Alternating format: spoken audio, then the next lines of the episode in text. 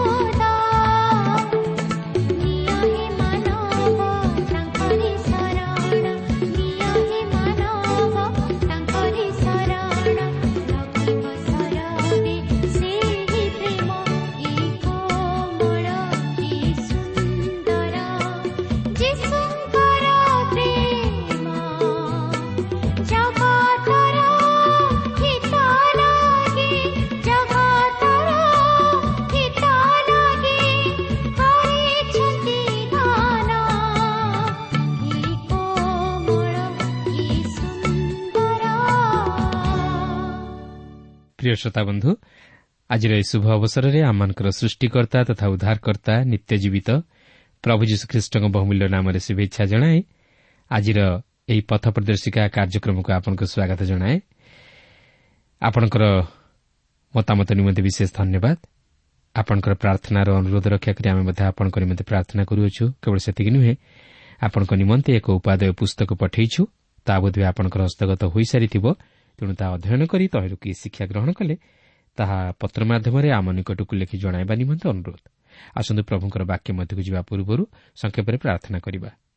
ପ୍ରିୟ ପବିତ୍ର ପ୍ରଭୁ ତୁମର ପବିତ୍ର ନାମର ଧନ୍ୟବାଦ କରୁଅଛୁ ଏହି ସୁନ୍ଦର ସମୟ ପାଇଁ ତୁମର ଜୀବନ୍ତ ବାକ୍ୟ ପାଇଁ। ପବିତ୍ର ପ୍ରଭୁ ତୁମର ବାକ୍ୟ ମଧ୍ୟ ଦେଇ ତୁମେ ଆମମାନଙ୍କ ସହିତ କଥା କୁହ। ତୁମର ପବିତ୍ର ଉପସ୍ଥିତି ଆମମାନଙ୍କୁ ଉପଲବ୍ଧି କରିବା ପାଇଁ ଦିଅ। ତୁମର ଇଚ୍ଛା ଅଭିମତକୁ ପ୍ରଭୁ ବୁଝିବା ପାଇଁ ଦିଅ। ଆଉ ପ୍ରଭୁ ଯେପରି ଆମମାନେ ତୁମର ଅଭିମତକୁ ଆମମାନଙ୍କ ଜୀବନରେ ସଫଳ କରିବାକୁ ପାରିବ ସେଥିପାଇଁ ପ୍ରଭୁ ତୁମେ ଆମମାନଙ୍କୁ ଜ୍ଞାନ ବିଶିଷ୍ଟ ଅନ୍ତକଣ ଦାନ କର। ତୁମର ବାକ୍ୟକୁ ସରଳ ବିଶ୍ୱାସରେ ଗ୍ରହଣ କରିବା ନିମନ୍ତେ ସାହାଯ୍ୟ କର। ପ୍ରତ୍ୟେକ ଶ୍ରୋତାବନ୍ଧୁମାନଙ୍କୁ ତୁମେ ଆଶୀର୍ବାଦ କର। ଯୀଶୁଙ୍କ ନାମରେ ମାଗୁଅଛୁ। ଆସନ୍ତୁ ବର୍ତ୍ତମାନ ଆମେ ପ୍ରଭୁଙ୍କର ବାକ୍ୟ ମଧ୍ୟକୁ ଯିବା। ଆଜି ଆମେ ଦ୍ୱିତୀୟ ବଂଶାବଳୀ ପୁସ୍ତକର ଏକୋଇଶ ପର୍ବର ଷୋହଳ ପଦରୁ ଆରମ୍ଭ କରି ବାଇଶ ପର୍ବର ବାର ପଦ ପର୍ଯ୍ୟନ୍ତ ଅଧ୍ୟୟନ କରିବା ନିମନ୍ତେ ଯିବା। ଏଠାରେ ଆମେ ଜିହରାମଙ୍କ ଉପରେ ଈଶ୍ୱରଙ୍କର ବିଚାର ବର୍ତ୍ତିବାର ଲକ୍ଷ୍ୟ କରିବାକୁ ପାରିବା। ଦେଖନ୍ତୁ ଏହି ଦ୍ୱିତୀୟ ବଂଶାବଳୀ ଏକୋଇଶ ପର୍ବର ଷୋହଳ ପଦରୁ କୋଡ଼ିଏ ପଦ ମଧ୍ୟରେ ଏହିପରି ଲେଖା ଅଛି ଏଥିଉତ୍ତରେ ସଦାପ୍ରଭୁ ଜିହରାମଙ୍କର ପ୍ରତିକୂଳରେ ପଲେଷ୍ଟିୟ ଓ କୁଶୀୟମାନଙ୍କ ନିକଟସ୍ଥ ଆରବୀୟମାନଙ୍କ ମନକୁ ଉତ୍ତେଜିତ କଲେ। ତହିଁରେ ସେମାନେ ଜିହୁଦାର ପ୍ରତିକୂଳରେ ଆସି ତାହା ଭାଙ୍ଗି ତହିଁ ମଧ୍ୟରେ ପ୍ରବେଶ କଲେ ଓ ରାଜଗୃହରେ ପ୍ରାପ୍ତ ସକଳ ସମ୍ପତ୍ତି ମଧ୍ୟ ପୁତ୍ରଗଣକୁ ଓ ପତ୍ନୀଗଣକୁ ନେଇଗଲେ। ତହିଁରେ ତାଙ୍କର କନିଷ୍ଠ ପୁତ୍ର ଜିହୋୟାହସ୍ ଛଡ଼ା ଆଉ ତାଙ୍କର ଗୋଟିଏ ପୁତ୍ର ଅବଶିଷ୍ଟ ରହିଲା ନାହିଁ। ଏସବୁର ଉତ୍ତାରେ ସଦାପ୍ରଭୁ ତାଙ୍କୁ ଅସାଧ୍ୟ ଅନ୍ତ୍ରବ୍ୟାଧିରେ ଆଘାତ କଲେ। ତହିଁରେ ସମୟାନୁକ୍ରମେ ଦୁଇ ବର୍ଷ ଶେଷରେ ସେହି ପୀଡ଼ା ସକାଶୁ ତାଙ୍କର ଅନ୍ତ୍ର ବାହାରି ପଡ଼ିଲା ଓ ସେ ଉତ୍କଟ ପୀଡ଼ାରେ ମଲେ। ତହୁଁ ତାଙ୍କର ଲୋକମାନେ ତାଙ୍କର ପିତୃଗଣର ଦାହ ଅନୁଯାୟୀ ତାଙ୍କ ପାଇଁ ଦାହ କଲେ ନାହିଁ। ସେ ରାଜ୍ୟ କରିବାକୁ ଆରମ୍ଭ କରିବା ସମୟରେ ବତିଶ ବର୍ଷ ବୟସ୍କ ହୋଇଥିଲେ ଓ ସେ ଜୁରୁସାଲମରେ ଆଠ ବର୍ଷ ରାଜ୍ୟ କଲେ ଓ ସେ ପ୍ରିୟପାତ୍ର ନ ହୋଇ ମଲେ। ଆଉ ଲୋକମାନେ ତାଙ୍କୁ ଦାଉଦ ନଗରରେ କବର ଦେଲେ। ମାତ୍ର ରାଜାମାନଙ୍କ କବରରେ ଦେଲେ ନାହିଁ ଦେଖନ୍ତୁ ଆଶା ଓ ଜିଓ ସାପଟଙ୍କ ରାଜତ୍ୱ କାଳରେ ଶାନ୍ତି ପ୍ରତିଷ୍ଠିତ ହୋଇଥିଲା ମାତ୍ର ବର୍ତ୍ତମାନ ଏହି ଜିହୋରାମଙ୍କ ସମୟରେ ଯୁଦ୍ଧ ଘଟିବାକୁ ଯାଉଅଛି। କାହିଁକି? କାରଣ ଯୁଦ୍ଧ ପାପର ଫଳ। ଏହା ମନୁଷ୍ୟର ପାପପୂର୍ଣ୍ଣ ହୃଦୟରୁ ହିଁ ଆରମ୍ଭ ହୋଇଥାଏ। ଏହା କେବଳ ଯୁଦ୍ଧ କ୍ଷେତ୍ରରେ ନୁହେଁ ମାତ୍ର ପରିବାର ମଧ୍ୟରେ ମଣ୍ଡଳୀ ମଧ୍ୟରେ ମଧ୍ୟ ଘଟିଥାଏ। ଏକୋଇଶ ପର୍ବର ଅଠରରୁ କୋଡ଼ିଏ ପଦ ମଧ୍ୟରେ ଆମେ ତାହା ଲକ୍ଷ୍ୟ କରିବାକୁ ପାରୁ। ତାହାଙ୍କୁ ସେମାନେ ଯେଉଁପରି ଭାବେ ସମାଧି ଦେଲେ ଓ ତାହାଙ୍କର ସମାଧି ପ୍ରତି ସମ୍ମାନ ପ୍ରଦର୍ଶନ କଲେ ତାହାର ଜଣାଯାଏ ଯେ ସେମାନେ ତାହାଙ୍କୁ କେତେ ଦୂର ଘୃଣା କରୁଥିଲେ ଓ ସେ କେତେ ଦୁଷ୍ଟ ରାଜା ଥିଲେ। ଏହାପରେ ଆମେ ପରବର୍ତ୍ତୀ ଅଧ୍ୟାୟରେ ଲକ୍ଷ୍ୟ କରିବାକୁ ଯିବା ଯେ ଯେଉଁମାନେ ରାଜତ୍ୱ କରିଥିଲେ ସେମାନଙ୍କ ମଧ୍ୟରୁ ଜିହୋରାମଙ୍କ ସ୍ତ୍ରୀ ସବୁଠାରୁ ଘୃଣାର ପାତ୍ରୀ ଥିଲେ। ଆସନ୍ତୁ ବର୍ତ୍ତମାନ ବାଇଶ ପର୍ବ ମଧ୍ୟକୁ ଯିବା। ଏହି ବାଇଶ ପର୍ବରେ ପ୍ରଥମେ ଆମେ ଜିହୋରାମଙ୍କ ପୁତ୍ର ଅହସିଓଙ୍କର ରାଜତ୍ୱ ବିଷୟ ନେଇ ଲକ୍ଷ୍ୟ କରିବାକୁ ଯିବା। ଏଠାରେ ଏହି ଯେଉଁ ଅହସିଓଙ୍କର ପରିଚୟ ଆମେ ପାଇବାକୁ ଯିବା ଏ ହେଉଛନ୍ତି ସେହି ଜିହୋୟାହସ୍ ଯାହାଙ୍କୁ କି ଆମେ ଦ୍ୱିତୀୟ ବଂଶାବଳୀ ଏକୋଇଶ ପର୍ବର ସତର ପଦରେ ଲକ୍ଷ୍ୟ କରି ଆସୁଅଛୁ। ସେ ହେଉଛନ୍ତି କେବଳ ମାତ୍ର ଜଣେ ପୁତ୍ର ଯିଏକି ଅବଶିଷ୍ଟ ରହିଯାଇଥିଲେ ମାତ୍ର ଜିହରାମଙ୍କର ଅନ୍ୟ ପୁତ୍ରମାନେ ମୃତ୍ୟୁବରଣ କରିଥିଲେ। ତେବେ ଦେଖନ୍ତୁ ବାଇଶ ପର୍ବର ଦୁଇ ପଦରୁ ଚାରିପଦ ମଧ୍ୟରେ ଏହିପରି ଲେଖା ଅଛି ଅହସ୍ୟ ରାଜ୍ୟ କରିବାକୁ ଆରମ୍ଭ କରିବା ସମୟରେ ବୟାଳିଶ ବର୍ଷ ବୟସ୍କ ହୋଇଥିଲେ ଓ ସେ ଜୁରୁସାଲାମରେ ଏକ ବର୍ଷ ରାଜ୍ୟ କଲେ। ତାଙ୍କର ମାତାଙ୍କର ନାମ ଅଥଲିଆ। ସେ ଅମ୍ରିର କନ୍ୟା ଥିଲେ। ଅହସ୍ୟ ଆହବ ବଂଶର ପଥରେ ଗମନ କଲେ। କାରଣ ଦୁଷ୍କର୍ମ କରିବା ପାଇଁ ତାଙ୍କର ମାତା ତାଙ୍କର ମନ୍ତ୍ରଣା ଦାୟିନୀ ଥିଲେ।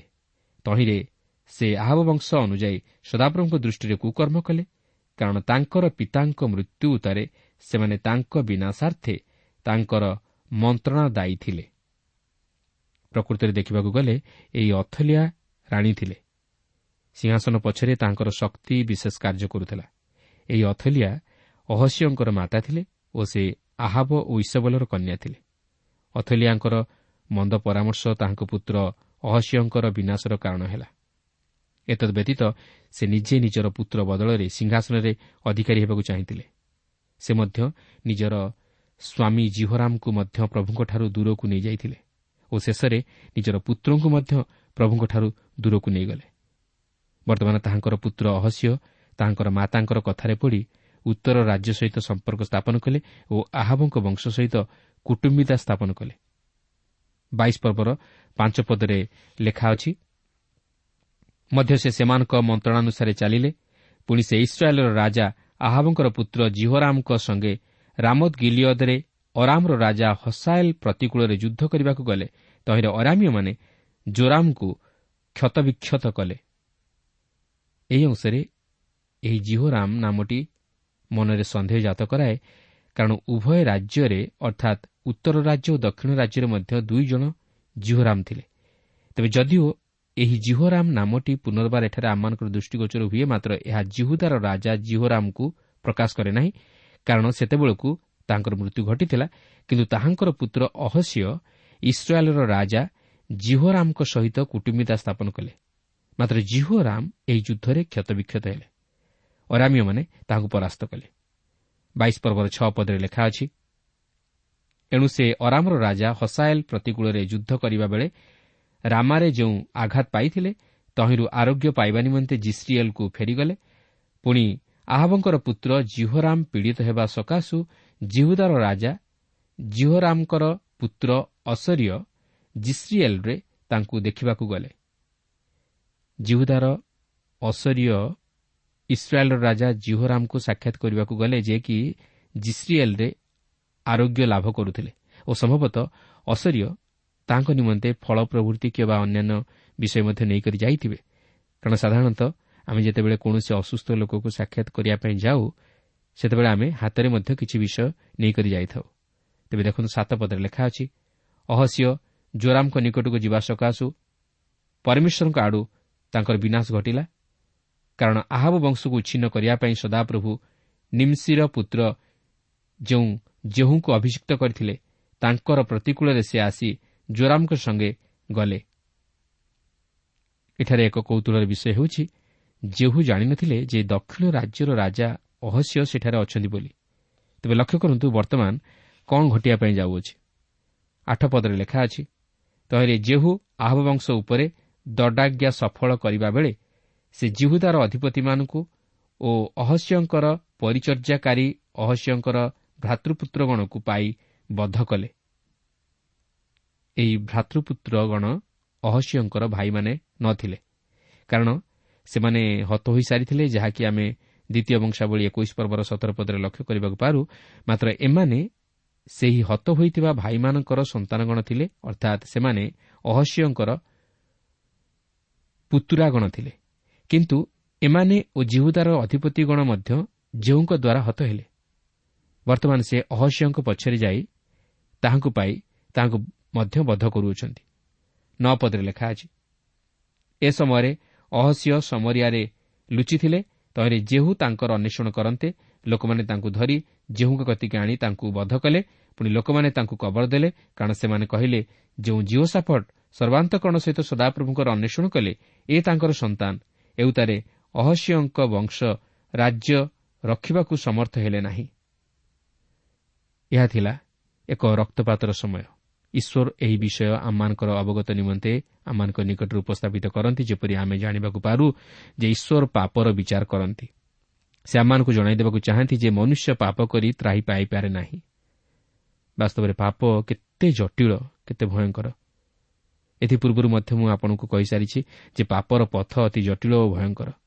ଆସନ୍ତୁ ଏହାପରେ ଏହି ଦ୍ୱିତୀୟ ବଂଶାବଳୀ ବାଇଶ ପର୍ବର ଦଶ ପଦରୁ ବାର ପଦ ମଧ୍ୟରେ ଅଥଲିଆଙ୍କର ନୃଶଂସ ରାଜତ୍ୱ ସମ୍ପର୍କରେ କିଛି ଆଲୋଚନା କରିବାକୁ ଯିବା। ବାଇଶ ପର୍ବର ଦଶ ପଦରେ ଏହିପରି ଲେଖା ଅଛି ଏଥିମଧ୍ୟରେ ଅହସ୍ୟଙ୍କର ମାତା ଅଥଲିଆ ଆପଣା ପୁତ୍ରକୁ ମୃତ ଦେଖନ୍ତେ ସେ ଉଠି ଜିହୁଦା ଗୋଷ୍ଠୀର ସମସ୍ତ ରାଜବଂଶ ବିନାଶ କଲେ। ଏଠାରେ ଆମେ ଏକ ନୃଶଂସ ପ୍ରକୃତିର ମନୁଷ୍ୟକୁ ଦେଖୁଅଛୁ ଯେ କି ନିଜର ନାତିମାନଙ୍କୁ ମଧ୍ୟ ନୃଶଂସ ଭାବେ ହତ୍ୟା କରିବାକୁ ପଛାଇଲେ ନାହିଁ। ଆପଣ ଜାଣିଥିବେ ସାଧାରଣତଃ ଶାନ୍ତ ବାପା ବା ଶାନ୍ତ ମାମାନେ ନିଜର ନାତି ନାତୁଣୀମାନଙ୍କୁ ବିଶେଷ ଭଲ ପାଆନ୍ତି। ସେମାନେ ନିଜର ପିଲାମାନଙ୍କୁ ଯେତେ ପ୍ରେମ କରନ୍ତି ସେମାନଙ୍କର ନାତି ନାତୁଣୀମାନଙ୍କୁ ତାହାଠାରୁ ଅଧିକ ପ୍ରେମ କରନ୍ତି। କିନ୍ତୁ ମୁଁ ବୁଝିପାରେ ନାହିଁ ଏହି ରାଣୀ ଅଥଲିଆ କିପରି ନିଜର ନାତିମାନଙ୍କୁ ଅତି ନୃଶଂସ ଭାବେ ହତ୍ୟା କରିପାରିଲା। ମାତ୍ର ସେମାନଙ୍କ ମଧ୍ୟରୁ ଜଣେ ତା ହାତରୁ ବଞ୍ଚିଯାଇଥିଲା ଯେହେତୁ ସେ ତାହାକୁ ଦେଖିପାରିନଥିଲା ବାଇଶ ପର୍ବର ଏଗାର ବାର ପଦରେ ଲେଖା ଅଛି ମାତ୍ର ରାଜାଙ୍କର କନ୍ୟା ଜିଓସାବତ୍ ଅହସିୟଙ୍କର ପୁତ୍ର ଜୟାସଙ୍କୁ ନେଇଗଲା ଓ ଯେଉଁ ରାଜପୁତ୍ରମାନେ ହତ ହେଲେ ସେମାନଙ୍କ ମଧ୍ୟରୁ ତାଙ୍କୁ ଚୋରାଇ ନେଇ ତାଙ୍କୁ ଓ ତାଙ୍କର ଧାତ୍ରୀକି ଶୟନାଗାରରେ ରଖିଲା। ଏହି ରୂପେ ଜିହୋ ଆଦା ଯାଜକର ଭାର୍ଯ୍ୟା ଜିହୋରାମ ରାଜାଙ୍କର କନ୍ୟା ଅହସ୍ୟଙ୍କର ଭଗିନୀ ଜିହୋସାବତ ଅଥଲିଆଙ୍କଠାରୁ ତାଙ୍କୁ ଲୁଚାଇଲା ତେଣୁ ସେ ତାଙ୍କୁ ବଦ୍ଧ କରିପାରିଲେ ନାହିଁ। ଏଉତାରେ ଜୋୟାସ୍ ସେମାନଙ୍କ ସଙ୍ଗେ ପରମେଶ୍ୱରଙ୍କ ଗୃହରେ ଛଅ ବର୍ଷ ରହିଲେ। ପୁଣି ଅଥଲିଆ ଦେଶରେ ରାଜ୍ୟ କଲେ। ଦେଖନ୍ତୁ ଏହି ବିଷୟ ଯଦି ଘଟିନଥାନ୍ତା ତାହେଲେ ଦାଉଦଙ୍କ ବଂଶ ଉତ୍ପାଟିତ ହୋଇଯାଇଥାନ୍ତା। ମତ୍ସ୍ୟଙ୍କର ଆଗମନ କରିବା ବିଷୟ ନେଇ ଈଶ୍ୱର ଦାଉଦଙ୍କୁ ଯେଉଁ ପ୍ରତିଜ୍ଞା କରିଥିଲେ ତାହା କେବେ ହେଲେ ଘଟିନଥାନ୍ତା। ବାସ୍ତବରେ ଏହା କେତେ ଗୁରୁତ୍ୱପୂର୍ଣ୍ଣ ବିଷୟ। ଆପଣ ଦେଖିବାକୁ ପାରିବେ ଯେ ଶୟତାନ ଦାଉଦଙ୍କ ବଂଶକୁ ସମୂଳେ ଧ୍ୱଂସ କରିଦେବା ନିମନ୍ତେ ବାରମ୍ବାର ତାହାର ଚେଷ୍ଟା ଚଳାଇଛି ଯେଉଁ ବଂଶ କି ଖ୍ରୀଷ୍ଟଙ୍କ ଆଡ଼କୁ କଢ଼ାଇ ନିଏ। ଆପଣଙ୍କର ମନେଥିବ ଯେ ସେହି ମିଶ୍ର ଦେଶରେ ଯେତେବେଳେ ସମସ୍ତ ପୁତ୍ର ସନ୍ତାନମାନଙ୍କୁ ହତ ହେବାକୁ ଥିଲା ସେତେବେଳେ ଶୟତାନ କିପରି ସେହି ବଂଶକୁ ହତ୍ୟା କରିବାକୁ ଚେଷ୍ଟା କରିଥିଲା ଯେଉଁ ବଂଶ କି ଖ୍ରୀଷ୍ଟଙ୍କ ଆଡ଼କୁ ଗତି କରୁଥିଲା ସେ ମଧ୍ୟ ହାମନଙ୍କ ସମୟରେ ସମସ୍ତ ଜୁହୁଦୀମାନଙ୍କୁ ବଦ୍ଧ କରିବା ନିମନ୍ତେ ଚେଷ୍ଟା କରିଥିଲା। ପ୍ରଭୁ ଯୀଶୁଖ୍ରୀଷ୍ଟ ଜନ୍ମ ହେବା ପରେ ସେ ସେହି ହେରୋଦ ରାଜାଙ୍କ ଦ୍ୱାରା ବେଥିଲିମ ଓ ତହିର ଚତୁଃପାର୍ଶ୍ୱରେ ଜନ୍ମିତ ଶିଶୁମାନଙ୍କୁ ବଦ୍ଧ କରିବା ଦ୍ୱାରା ପ୍ରଭୁ ଯୀଶୁଖ୍ରୀଷ୍ଟଙ୍କୁ ବଦ୍ଧ କରିବା ନିମନ୍ତେ ଚେଷ୍ଟା କରିଥିଲା। ଏଠାରେ ମଧ୍ୟ ଅନ୍ୟ ଏକ ଘଟଣାରେ ଆମେ ଲକ୍ଷ୍ୟ କରୁଅଛୁ ଯେ ଶୟତାନ ଦାଉଦଙ୍କ ବଂଶକୁ ଉତ୍ପାଟିତ କରିବାକୁ ଚାହିଁଥିଲା। ତେଣୁ ତହିଁରୁ ଜଣେ ମାତ୍ର ବର୍ତ୍ତି ଯାଇଥିବାର ଆମେ ଲକ୍ଷ୍ୟ କରୁଅଛୁ। ଏହି କ୍ଷୁଦ୍ର ବାଳକ ଜୟାସକୁ ଲୁଚାଇ ରଖାଯାଇଥିଲା ଯେତେବେଳେ କି ସେ ଏକ ବର୍ଷର ହୋଇଥିଲା। ସେହି ମନ୍ଦିରରେ ଦୀର୍ଘ ଛଅ ବର୍ଷ ଧରି ତାହାଙ୍କୁ ଲୁଚାଇ ରଖାଯାଇଥିଲା। ସେହି ସମୟରେ ଏହି ରାଣୀ ଅଥଲିଆ ରାଜତ୍ୱ କରୁଥିଲା। ବାସ୍ତବରେ ଈଶ୍ୱରଙ୍କୁ ଯୋଜନା ତଥା ଅଭିମତ କେବେ ହେଲେ ବ୍ୟର୍ଥ ହୁଏ ନାହିଁ। ଈଶ୍ୱର ପାପି ମନୁଷ୍ୟର ଉଦ୍ଧାର ନିମନ୍ତେ ଯେଉଁ ଯୋଜନା ପ୍ରସ୍ତୁତ କରିଥିଲେ ତାହା ଯଦିଓ ଶୟତାନ ବ୍ୟର୍ଥ କରିବାକୁ ଚେଷ୍ଟା କରୁଥିଲା ମାତ୍ର ପାରିନଥିଲା। ଯେହେତୁ ଈଶ୍ୱର ସର୍ବଶକ୍ତିମାନ ଓ ସେ ଯାହା ପ୍ରତିଜ୍ଞା କରିଥାନ୍ତି ଓ ଯୋଜନା କରିଥାନ୍ତି ତାହା କେବେ ହେଲେ ବିଫଳ ହୁଏ ନାହିଁ। ତେଣୁ ଆସୁ ଈଶ୍ୱରଙ୍କ ବଳବନ୍ତ ବାଉଛା ତଳେ ଆଶ୍ରୟ ନେଇ ତାହାଙ୍କ ବାକ୍ୟ ଅନୁଯାୟୀ ଜୀବନଯାପନ କରିବା ନିମନ୍ତେ ଚେଷ୍ଟା କରୁ ଓ ତାହାଙ୍କ ମହତ ଅଭିମତକୁ ସଫଳ କରିବା ସଙ୍ଗେ ସଙ୍ଗେ ତାହାଙ୍କ ଗୌରବ ରକ୍ଷା କରୁ ଓ ପ୍ରଭୁ ଯୀଶୁ ଖ୍ରୀଷ୍ଟଙ୍କଠାରେ ବିଶ୍ୱାସ କରି ପାପରୁ ଉଦ୍ଧାର ପାଇ ଅନନ୍ତ ଜୀବନର ଅଧିକାରୀ ହେବା ନିମନ୍ତେ ଚେଷ୍ଟା କରୁ। ବର୍ତ୍ତମାନ ଆମେ ପବିତ୍ର ବାଇବଲ ମଧ୍ୟରୁ ଦ୍ୱିତୀୟ ବଂଶାବଳୀ ପୁସ୍ତକର ତେଇଶ ଓ ଚବିଶ ପର୍ବ ମଧ୍ୟକୁ ଯିବା। ଆମେ ଏହି ଦୁଇଟି ଯାକ ପର୍ବ ମଧ୍ୟରେ ଯୋଶୀଙ୍କ ରାଜତ୍ୱ ସମୟରେ ଆତ୍ମିକ ଜାଗରଣ କିପରି ଆସିଥିଲା ତାହା ଲକ୍ଷ୍ୟ କରିବାକୁ ଯିବା। ପ୍ରକୃତରେ ଜୟାସଙ୍କ ରାଜତ୍ୱ ସମୟରେ ତୃତୀୟ ଥର ପାଇଁ ଜିହୁଦା ରାଜ୍ୟ ମଧ୍ୟରେ ଆତ୍ମିକ ଜାଗରଣ ଆସିଥିଲା। ବାସ୍ତବରେ ଏହା ସେତେଦୂର ଆତ୍ମିକ ଜାଗରଣ ନଥିଲା ଓ ବିଶେଷ କରି ଜିହୋୟାଦା ଯାଜକଙ୍କ ଲାଗି ଅନେକ ଲୋକ ଈଶ୍ୱରଙ୍କର ନିକଟବର୍ତ୍ତୀ ହୋଇଥିଲେ। ବର୍ତ୍ତମାନ ଆମେ ଜୟାସଙ୍କ ରାଜ୍ୟ ପ୍ରତି ଟିକେ ଦୃଷ୍ଟି ଦେବା। ଦେଖନ୍ତୁ ତେଇଶ ପର୍ବର ପ୍ରଥମ ପଦରେ ଲେଖା ଅଛି ଅନନ୍ତର ସପ୍ତମ ବର୍ଷରେ ଜିହୋୟାଦା ଆପଣଙ୍କୁ ବଳବାନ କରି ଜିରୋ ହମ୍ର ପୁତ୍ର ଅସରିୟ ଓ ଜିହୋ ହାନନ୍ର ପୁତ୍ର ଇସ୍ମାଏଲ୍ ଓବେଦର ପୁତ୍ର ଅସରିୟ ଓ ଅଦାୟାର ପୁତ୍ର ମାସେୟ ଓ ଶିଖ୍ରୀର ପୁତ୍ର ଇଲିସାଫଟ୍ ଏହି ଶତପଥୀମାନଙ୍କୁ ଆପଣା ସଙ୍ଗେ ନିୟମରେ ଆବଦ୍ଧ କଲା। ରାଣୀ ଅଥଲିଆଙ୍କର ନେତୃତ୍ୱରେ ନେତାମାନେ ଅସନ୍ତୁଷ୍ଟ ଥିଲେ। ତେଣୁ ବର୍ତ୍ତମାନ ଜିହୟାତା ଯାଜକ ସେମାନଙ୍କୁ ଡକାଇ ଏକ ସଭାର ଆୟୋଜନ କରୁଅଛନ୍ତି ସେମାନଙ୍କୁ ଜଣାଇ ଦେବା ପାଇଁ ଯେ ଦାଉଦଙ୍କ ବଂଶରେ ଜଣେ ପୁତ୍ର ଅଛନ୍ତି ଯେ କି ବର୍ତ୍ତମାନ ମଧ୍ୟ ଜୀବିତ ଅଛନ୍ତି। ସେମାନେ ସମସ୍ତେ ମିଶି ଏହି କ୍ଷୁଦ୍ର ବାଳକକୁ ଜିହୁଦା ଉପରେ ରାଜା କରିବା ନିମନ୍ତେ ଶପଥ ଗ୍ରହଣ କରୁଅଛନ୍ତି। ସେମାନେ ଲେବିୟମାନଙ୍କୁ ଓ ଇସ୍ରାଏଲ୍ର ପ୍ରଧାନମାନଙ୍କୁ ଏକତ୍ର କଲେ ଓ ଏହି କ୍ଷୁଦ୍ର ବାଳକ ଜୟାସକୁ ରାଜା କରିବା ନିମନ୍ତେ ଅତି ଯତ୍ନ ସହକାରେ ଯୋଜନାମାନ ପ୍ରସ୍ତୁତ କଲେ ଯେ କି ଦାଉଦ ବଂଶରେ ଥିଲେ। ଏହି ଦଳ ମଧ୍ୟରୁ ଏକ ତୃତୀୟାଂଶ ବିଶ୍ରାମ ବାରରେ ମନ୍ଦିରର ଦ୍ୱାରପାଳ ଭାବେ କାର୍ଯ୍ୟ କରିବାକୁ ଥିଲା। ଏକ ତୃତୀୟାଂଶ ରାଜାଙ୍କ ଗୃହରେ ରହିବାକୁ ଥିଲା ଓ ଏକ ତୃତୀୟାଂଶ ଭିତ୍ତିମୂଳ ଦ୍ୱାରରେ ରହିବାକୁ ଥିଲା। ଆଉ ସମଗ୍ର ଲୋକ ସଦାପ୍ରଭୁଙ୍କ ଗୃହର ନାନା ପ୍ରାଙ୍ଗଣରେ ରହିବାକୁ ଥିଲା। ସେମାନେ କେବଳ ଯାଜକ ଓ ଲିବିୟମାନଙ୍କ ବ୍ୟତୀତ ଆଉ ଅନ୍ୟ କାହାରିକୁ ସେହି ମନ୍ଦିର ମଧ୍ୟରେ ପ୍ରବେଶ କରିବା ନିମନ୍ତେ ଛାଡ଼ୁ ନଥିଲେ। ଲିବିୟମାନେ ସମସ୍ତ ଅସ୍ତ୍ରଶସ୍ତ୍ର ଧରି ସେହି କ୍ଷୁଦ୍ର ବାଳକ ରାଜା ନିକଟରେ ଘେରି ରହିଥିଲେ। ଜୁହାଦା ଯାଜକ ଦାଉଦ ରାଜାଙ୍କର ଯେଉଁ ବର୍ଷା ଓ ଢାଲ ଓ ଚର୍ମ ପ୍ରଭୃତି ମନ୍ଦିର ମଧ୍ୟରେ ରହିଥିଲା ସେହି ସମସ୍ତ ମଧ୍ୟ ଶତପତିମାନଙ୍କୁ ଦେଇଦେଲେ। ଏହି ସମସ୍ତ ବ୍ୟବସ୍ଥା କରାଯାଇଥିଲା ଯେପରି ସେହି ବାଳକକୁ କେହି ବଧ ନ କରିପାରନ୍ତି। ଏହି ସମସ୍ତ ବିଷୟ ଆପଣ ଏହି ଦ୍ୱିତୀୟ ବଂଶାବଳୀ ତେଇଶ ପର୍ବର ଦୁଇ ପଦରୁ ଦଶ ପଦ ମଧ୍ୟରେ ଲକ୍ଷ୍ୟ କଲେ ଦେଖିବାକୁ ପାରିବେ। ତେବେ ଏହିସବୁ ବିଷୟକୁ ମୁଁ ବର୍ତ୍ତମାନ ଅଧ୍ୟୟନ କରିବା ପାଇଁ ଯାଉନାହିଁ। କେବଳ ତେଇଶ ପର୍ବର ଏଗାର ପଦଟି ଉପରେ ମୁଁ ଆପଣଙ୍କର ଦୃଷ୍ଟି ଆକର୍ଷଣ କରିବା ପାଇଁ ଚାହେଁ। ଦେଖନ୍ତୁ ସେଠାରେ ଏହିପରି ଲେଖା ଅଛି ତହୁଁ ସେମାନେ ରାଜପୁତ୍ରକୁ ବାହାରକୁ ଆଣି ତାଙ୍କ ମସ୍ତକରେ ମୁକୁଟ ପିନ୍ଧାଇ ଓ ସାକ୍ଷ୍ୟ ପୁସ୍ତକ ଦେଇ ତାଙ୍କୁ ରାଜା କଲେ। ପୁଣି ଜିହୋୟାଦା ଓ ତାହାର ପୁତ୍ରମାନେ ତାଙ୍କୁ ଅଭିଷେକ କଲେ। ତେଣୁ ସେମାନେ କହିଲେ ରାଜା ଚିରଜୀବୀ ହେଉନ୍ତୁ। ଏହା ଅତି ଆଶ୍ଚର୍ଯ୍ୟ ଓ ଚମତ୍କାର ବିଷୟ। ସାତ ବର୍ଷର କ୍ଷୁଦ୍ର ବାଳକ ଯିଏକି ଦାଉଦ ବଂଶର ସେ ବର୍ତ୍ତମାନ ଜିହୁଦାର ରାଜସିଂହାସନ ଉପରେ ଉପବିଷ୍ଟ। ବର୍ତ୍ତମାନ ଆମେ ରାଣୀ ଅଥଲିଆଙ୍କର ମୃତ୍ୟୁ କିପରି ଘଟିଲା ତାହା ଲକ୍ଷ୍ୟ କରିବାକୁ ଯିବା। ଅଥଲିଆ ଭାବିଥିଲା ଯେ ସେ ତାହାର ସମସ୍ତ ବଂଶଧରକୁ ହତ୍ୟା କରିଦେଇଛି।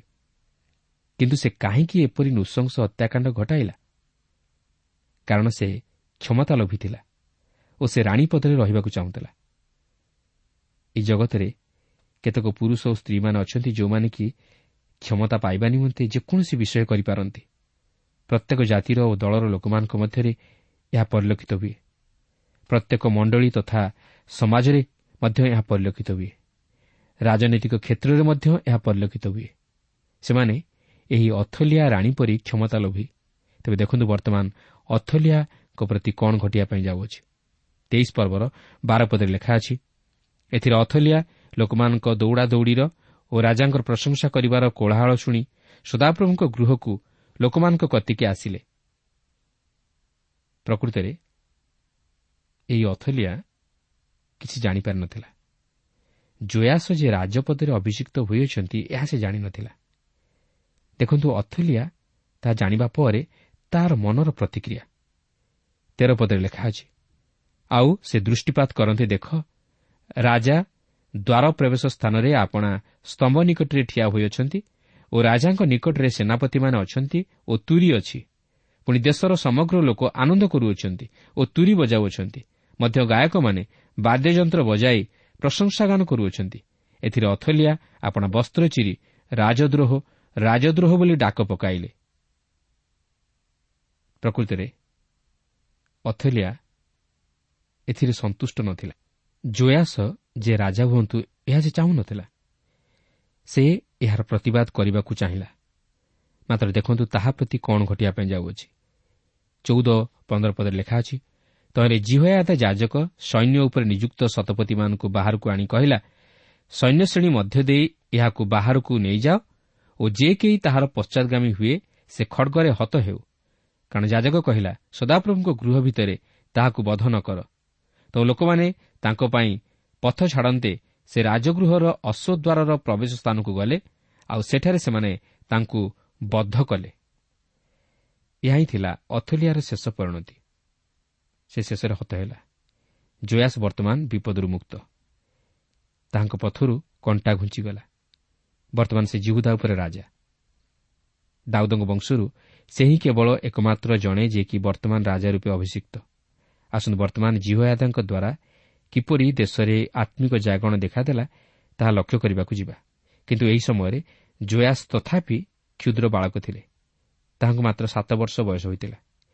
ତେଣୁ ଜିହୟାଦା ତାହାଙ୍କର ଉପଦେଷ୍ଟା ଭାବେ କାର୍ଯ୍ୟ କରୁଥିଲେ ଓ ସେ ହିଁ କେବଳ ଜୟାସଙ୍କ ତରଫରୁ ସମସ୍ତ ନିଷ୍ପତ୍ତି ନେଉଥିଲେ ଯେପର୍ଯ୍ୟନ୍ତ ଜୟାସ ବୟପ୍ରାପ୍ତ ହୋଇନଥିଲେ। ଜୁୟାଦା ଈଶ୍ୱରଙ୍କର ଯାଜକ ଥିଲେ ଓ ସେ ଇସ୍ରାଏଲ୍କୁ ଈଶ୍ୱରଙ୍କ ଉପାସନା ଆଡ଼କୁ କଢ଼ାଇ ନେଲେ। ଲୋକମାନଙ୍କୁ ଈଶ୍ୱରଙ୍କ ନିକଟବର୍ତ୍ତୀ କରାଇଲେ।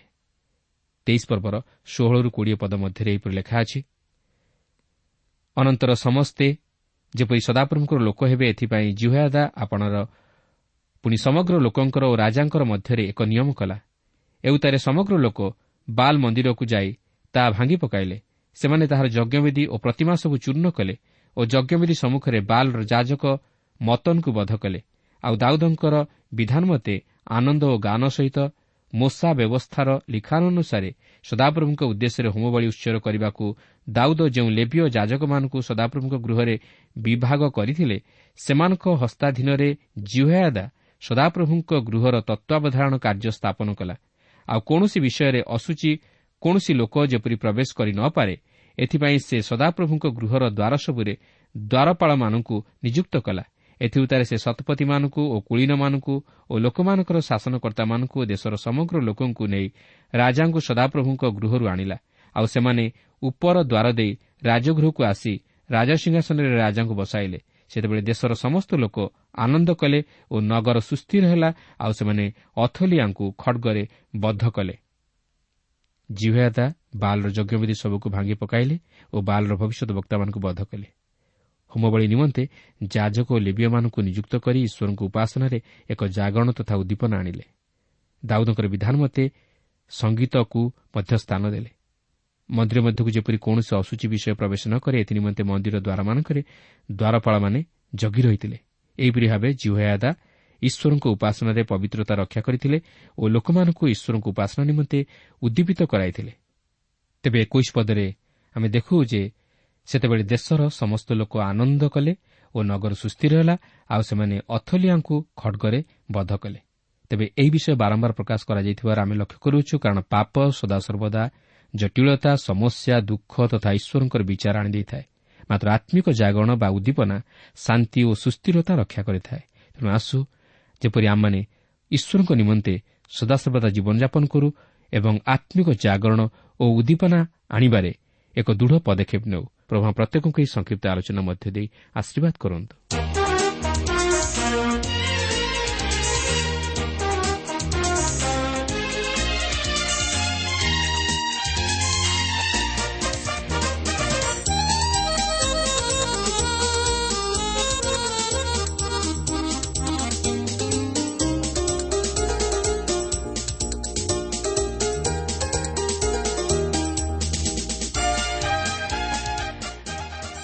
ଶ୍ରୋତା ଆପଣ ଈଶ୍ୱରଙ୍କ ବାକ୍ୟ ଶୁଣିବା ନିମନ୍ତେ ସମୟ ଦେଇଥିବାରୁ ଆମେ ଧନ୍ୟବାଦ। ଆପଣ ଯଦି ପ୍ରଭୁ ଯୀଶୁଙ୍କର ବାକ୍ୟ ବିଷୟରେ ଓ ତାହାଙ୍କର ପ୍ରେମ ବିଷୟରେ ଅଧିକ ଜାଣିବାକୁ ଚାହାନ୍ତି ଯାହାକି ଆପଣଙ୍କୁ ପାପରୁ ଉଦ୍ଧାର ପାଇବା ନିମନ୍ତେ ପଥ ଦେଖାଇବ ତାହେଲେ ଆମ ସହିତ ପତ୍ର ମାଧ୍ୟମରେ ଅଥବା ଟେଲିଫୋନ୍ ଯୋଗେ ଯୋଗାଯୋଗ କରନ୍ତୁ। ଆମର ଠିକଣା ପଥ ପ୍ରଦର୍ଶିକା trans world radio India post box number তিন তিন ভুবনেশ্বর সাত পাঁচ এক শূন্য শূন্য এক।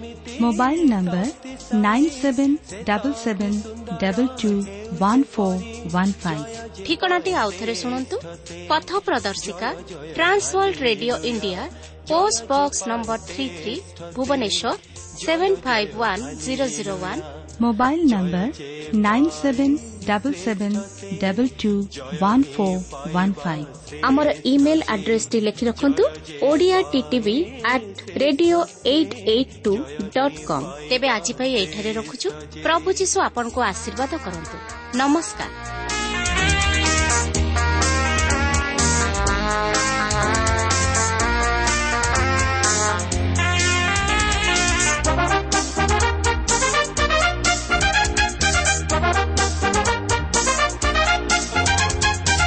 মরণ যায় বিশ্ব সরহ।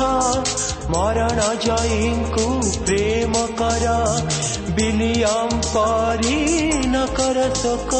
ন ডারি লাড়ি তে করখ জয় যে পায় শ্রেষ্ঠ সে।